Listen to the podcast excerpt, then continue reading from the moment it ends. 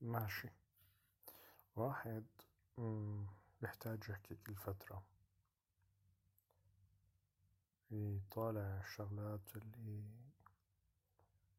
تراكمت خلال مدة زمنية فأثرت في تصرفاته في أفعاله في مزاجه في نظرته للحياة نفسها. يمكن هذا الوقت اللي هل عايش فيه من الأوقات العصيبة اللي مرت علي مرت علينا كعائلة. طبعا هذا الوقت لا يقصد به هالساعة أو هاليوم أو هالشهر.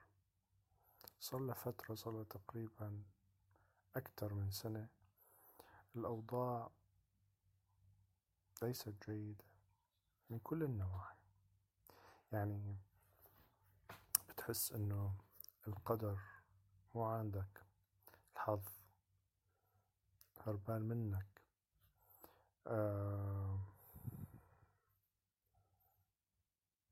إذا تتجه يمين نحو فرضا الشمس. فتراها تهرب منك وتصبح في الجهة المقابلة إلى يسارك. فتضطر أن تعود وتلهث نحوها. فتغير مكانها. في كل مرة تسعى إليها تراها تهرب منك. هذا هو الواقع اللي أحيانا أو مو أحيانا دائما بحسه موجود. هي مو قصة إنه تشاؤم. يعني بتقولي بين قوسين إنها أختي بتقولي إنه أنت بومة.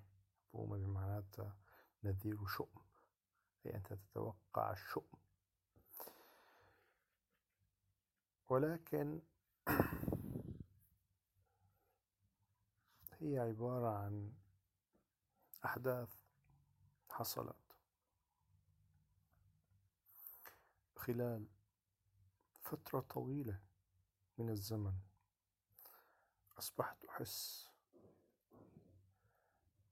وألمس لمس اليد أن كل عملية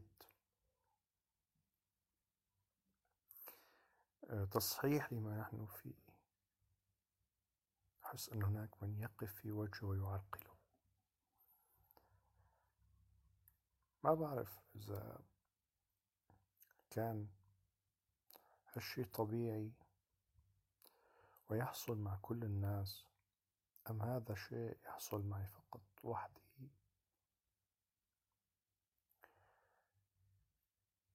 آه، دائما ما أحاول أن آخذ الأمور بضحكة. وبابتسامة وبمزحة وأقول أن هذه الأوقات لابد الأوقات السيئة أقصد لابد أن تغادر حياتي في يوم ما. لا يمكن أن يستمر السواد إلى ما لا نهاية. الكون قائم على التقلبات والحياة قائمة على التقلبات. فكما الشمس تغيب ويحل الظلام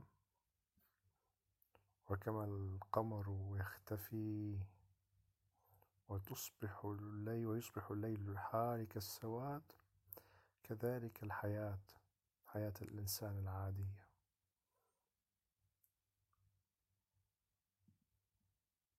تمر في أطوار من الظلمة والضوء من الشمس وحلكة الظلام. من البدر الذي ينير الدنيا ومن سواد الليل عندما يختفي من السماء. على كل هي فترة. ومهما عملت خلال هذه الفترة فإن فأنا أؤكد أن لن أصل إلى ما أريد لأن هذه الفترة هي فترة الحظ العاثر. وإلى أن ينجلي هذا الحظ العاثر وتفتح الدنيا ذراعها من جديد لنا. لابد لي أن أحلم وأن أواصل الحلم. فمن دون الأحلام لا معنى للحياة. بس هيك.